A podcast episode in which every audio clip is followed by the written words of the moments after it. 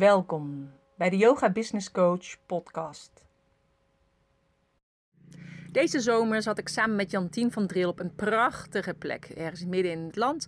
En ik heb haar geïnterviewd over haar boek Bikkel. Bikkel is echt een aanrader om te lezen vanuit je luie stoel.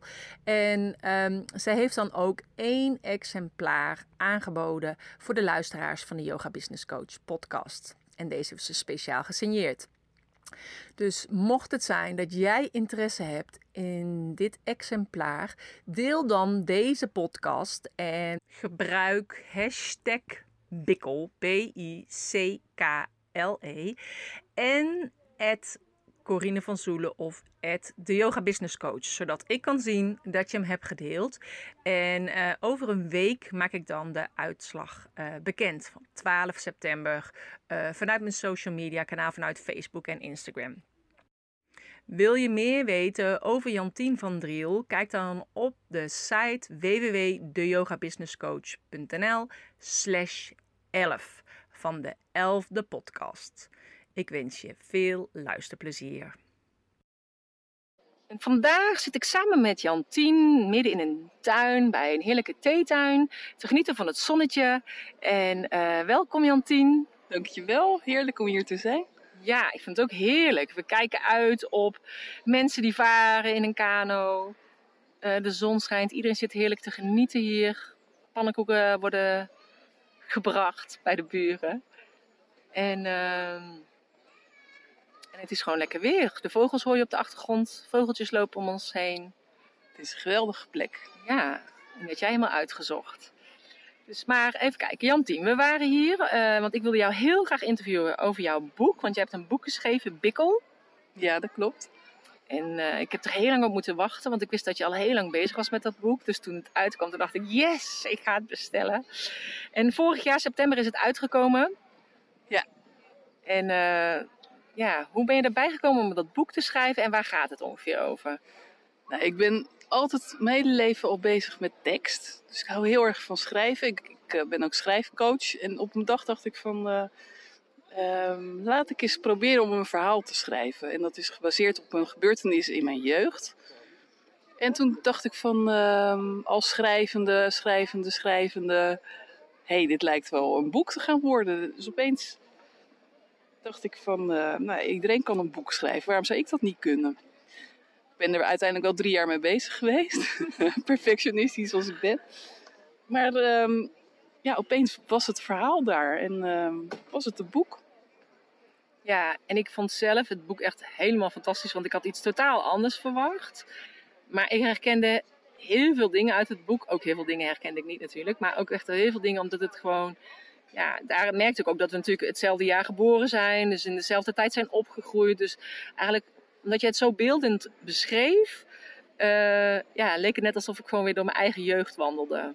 Ja, dat was, is ook een heel belangrijk onderdeel van dat boek. Het speelt in het nu, in Rotterdam en op Curaçao. Uh, maar er zijn ook flashbacks inderdaad naar de jaren 70 en 80. En ik heb wel inderdaad van meer mensen teruggekregen dat het uh, ja, een trip down memory lane is. Met uh, cassettebandjes inderdaad. En uh, de kermis en ehm, mannen met een polstasje. En nou ja, noem het allemaal maar op. Ik heb er heel veel ja, leuke reacties op gekregen. Maar dat was, die flashbacks waren nodig om het verhaal uh, begrijpelijk te maken. Ja. Wil je heel kort iets vertellen over het boek? Mensen, want ik vind echt, weet je wel, dat het echt ook een super tof boek is. Uh, ja, gewoon even lekker relaxed te lezen. En, ja, ik krijg veel mensen terug dat het een heerlijke page-turner is. Mensen zijn er uh, nou, binnen twee dagen doorheen. Daar heb ik dan drie jaar aan zitten werken, maar goed. ja. um, het gaat over Sabine, zij is de hoofdpersoon. En uh, Sabine ontdekt dat haar man vreemd is gegaan. En omdat uh, haar man ja, heeft een goede baan, heeft eigenlijk alle touwtjes in handen. ja, die zet haar op straat. Dus hij gaat vreemd en zij vertrekken. Dat is natuurlijk niet helemaal eerlijk. Maar dan komt ze erachter dat, uh, dat, dat haar leven een beetje kabbelt. Dat ze eigenlijk geen bewuste beslissingen meer heeft genomen. En um, ja, daar baalt ze natuurlijk enorm van. En dan komt ze op een festival, een muziekfestival in Rotterdam, komt ze haar jeugdvriendinnetje Robin tegen. En die nodigt haar uit op Curaçao. En daar, dan raken ze verstrikt in een uh, ja, heel avontuur van witwassen en uh, vals geld drukken. Nou, hoe het afloopt, dat vertel ik niet, maar Nee. het, is een, eh, het is een heel mooi verhaal geworden. Ja, nou, ik vond het ook echt een heel mooi verhaal. Ik zat echt tot het eind, was het nog spannend. Het leuk om te horen. Ja. Ja, mijn zoon die las ook een hoofdstuk. Dat gaat, dus gaat, eh, Sabine gaat inbreken in het huis van haar ex-man. Mijn zoon die zei ook van, ik vond dat zo'n spannend hoofdstuk. Ik kreeg helemaal hartkloppingen. Dus eh, ja, leuk. Ja. Maar ja, er zitten ook wel dingen in die best wel. eh, het boek gaat ook wel over seks. Dus eh, heeft je zoon dat ook gelezen? Wat vond hij daarvan dan? Ja, mijn zoon is 15, die heeft dat ook gelezen. Daar hebben we het niet uitgebreid over gehad. Maar wel over het inbreken. Ja, inbreken wel, dat kon hij nog net aan. Nee, die, eh, mijn- ik heb nog, een, nog twee dochters. En mijn jongste dochter, die is ook 15, dus de helft van mijn tweeling. Die vond het eerste hoofdstuk met name veel te heftig. Dus die zei, nee hoor mam, ik ga het niet lezen. Dus die, die, die moet nog wat ouder worden om het echt te kunnen waarderen. Terwijl mijn oudste dochter, die is 18, die heeft het... ehm, ook in één ruk uitgelezen, terwijl ze helemaal geen lezer is. En dan krijg ik van veel mensen terug die, die, die zeggen van ja, ik hou helemaal niet van boeken en niet van lezen, ik ben dyslectisch of wat dan ook. Maar dit boek leest Ja. een trein en daar ik echt van genoten. Dus, Ja. eh, Oké, nou ja, maar ik kan me wel voorstellen dat voor je dochter het eerste hoofdstuk wel inderdaad pittig was. Want ik dacht ook, zo, wat een fantasie heeft die Jantien. oh, dat is wel grappig. Maar jij zei net al, ik ben schrijfcoach, dus wat doe je eigenlijk eh, nog meer dan? Naast dat je natuurlijk een fantastisch boek hebt geschreven. eh, ik ben inderdaad schrijfcoach, ik ben eigenaar van Copy School. Dat is een school waar ik ondernemers leer effectief te schrijven. Mhm. Dus moet je denken aan eh, nieuwsbrieven, webteksten, advertentieteksten. Dus alles om met jouw teksten de, het gedrag van je, van je klanten te beïnvloeden. Om te zeggen, dat ze gaan zeggen, ja, ik wil wat bij je kopen. Ja, Copywriting wordt het ook genoemd. Vandaar de naam Copy School. ja. En jij hebt zeg maar eigenlijk ondernemers, die, ja, dat zijn voornamelijk eh, ZZP'ers denk ik, vanuit de Copy School. Ja. Ja, en eh, maakt er nog iets uit een bepaalde richting? Of is het eigenlijk ja, allerlei ondernemers? Nee, allerlei ondernemers. Ik heb ehm, eh, therapeuten, er zit iemand in die zit in de wijnhandel, business coaches. ehm, denk hoor, eh, eh, zit een medium zit erin, eh, een aantal therapeuten, dat zei ik al. Eigenlijk van alles. Mhm. En tegenwoordig heeft iedereen een website nodig en iedereen moet zijn klanten benaderen, of via Facebook of nieuwsbrieven of Instagram, maar overal Mhm. komt tekst bij kijken. En die tekst, ja, die, de tekst die jij naar buiten brengt, straalt af op jouw imago. Dus het is een enorm belangrijke manier om onder de aandacht te komen. En hoe sterker je teksten, hoe beter je imago. Ja, maar ook dat het echt jouw tekst is, hè? Want ik zie ook soms eh, een bepaald tekst voorbij komen. En dan denk ik, oh, die is eh, volgens mij eh, van die overgenomen. Oh ja. Een beetje een ander sausje erover. Ja, nee, dat is en wel- dat proef je dan toch uit de tekst. Dus het is heel goed om je eigen ja, sfeer te neerzetten. eigen stem te vinden. Dat is ook wel de combinatie die eh Copy School geeft. Het is zakelijk schrijven, maar wel met je eigen stem. Dus echt vanuit je hart. Ja. Want je bent niet voor niks ondernemer geworden of aan het worden. Want je, hebt, je voelt een bepaalde passie. En je weet wie je doelgroep is, wie je ideale klant is. En door die cursus bij Copy School ga je ehm, eh, de taal vinden die bij jou en bij je, bij je klant past. Mhm. Dus dat is wel echt een heel belangrijk ding. Dat je volgens je eigen stijl, met je eigen stem leert schrijven. Ja.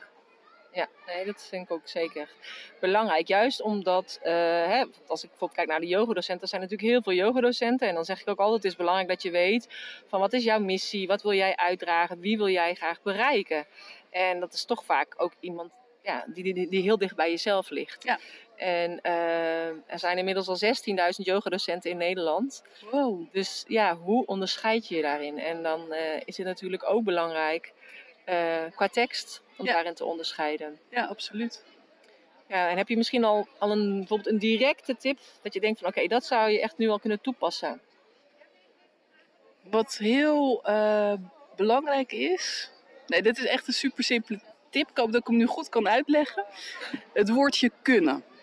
Als je zegt, ehm, met deze yoga training kun je leren hoe je soepeler wordt. Er zit het woordje kunnen in, hoor je het? Met deze yoga training kun je leren hoe je soepeler wordt. Eh, als je het woordje kunnen gebruikt, dat is een werkwoord van modaliteit, dan is het zo dat het ook niet kan. Ja. Dus als je het steviger wil maken, dan zeg je met deze training leer je hoe je soepeler wordt. Dus dan hou je het woordje kunnen eruit en dan weet je zeker dat je iets leert dat je soepeler wordt. Dus dat is een kleine tip. Ga je teksten daar eens op nakijken. Hoe vaak gebruik jij het woordje kunnen? Als je het woord kunnen ziet, ga je kijken, kan ik het eruit halen? Want je tekst wordt er sterker van. Ja, dat heb ik een hele goede tip. Want die gebruik ik ook echt al jaren. Leuk. En ik betrap mezelf er ook steeds op dat ik dan toch weer iets op schrijf kunnen. En toen dacht ik, nee, het is gewoon zo, weet je wel. Dus hup, kunnen eruit. En dan inderdaad uh, uh, wordt de zin totaal anders. En ja. is die veel sterker. Ja, overtuigender. Ja, nou, dat is een hele mooie tip. En jij hebt zeg maar, dus je hebt de online copy school, maar jij geeft ook gewoon trainingen bij bedrijven. Ja, klopt. Dus ik zit bij bedrijven als Unilever, woningcorporatie Vestia, de ASM Bank, grote corporate bedrijven. En daar train ik vaak uh, communicatieteams. Maar ik geef ook één op één training. Ik heb laatst een directeur van de BAM uh, blogles gegeven. Dus dan train ik dan één op één. En dan uh, zitten we samen aan tafel en uh, ja, gaan we echt heel diep op elk woord in. Mm -hmm. Super leuk. Ja, dus wel heel gevarieerd. Ja, maar het gaat altijd om effectieve teksten. Ja. ja. Nou, en het mooie van alles is dat je ook op het Yoga Business Event kon spreken. Ja, ja. klopt. Ja, en uh, nou, het thema dit jaar is ontvangen. Ja. En ja, je kunt natuurlijk nog niet alles zeggen, maar uh, ja, ga doen, maar zeg maar... Ik heb er wel al uh, mooie ideeën over. Nee, in het thema ontvangen zit heel veel. En daar, daar ga ik, ik ga er iets meer over vertellen, ook vanuit uh, mijn eigen ervaring, maar ook vanuit het oogpunt van schrijven. En ik heb een mooie oefening bedacht voor alle deelnemers.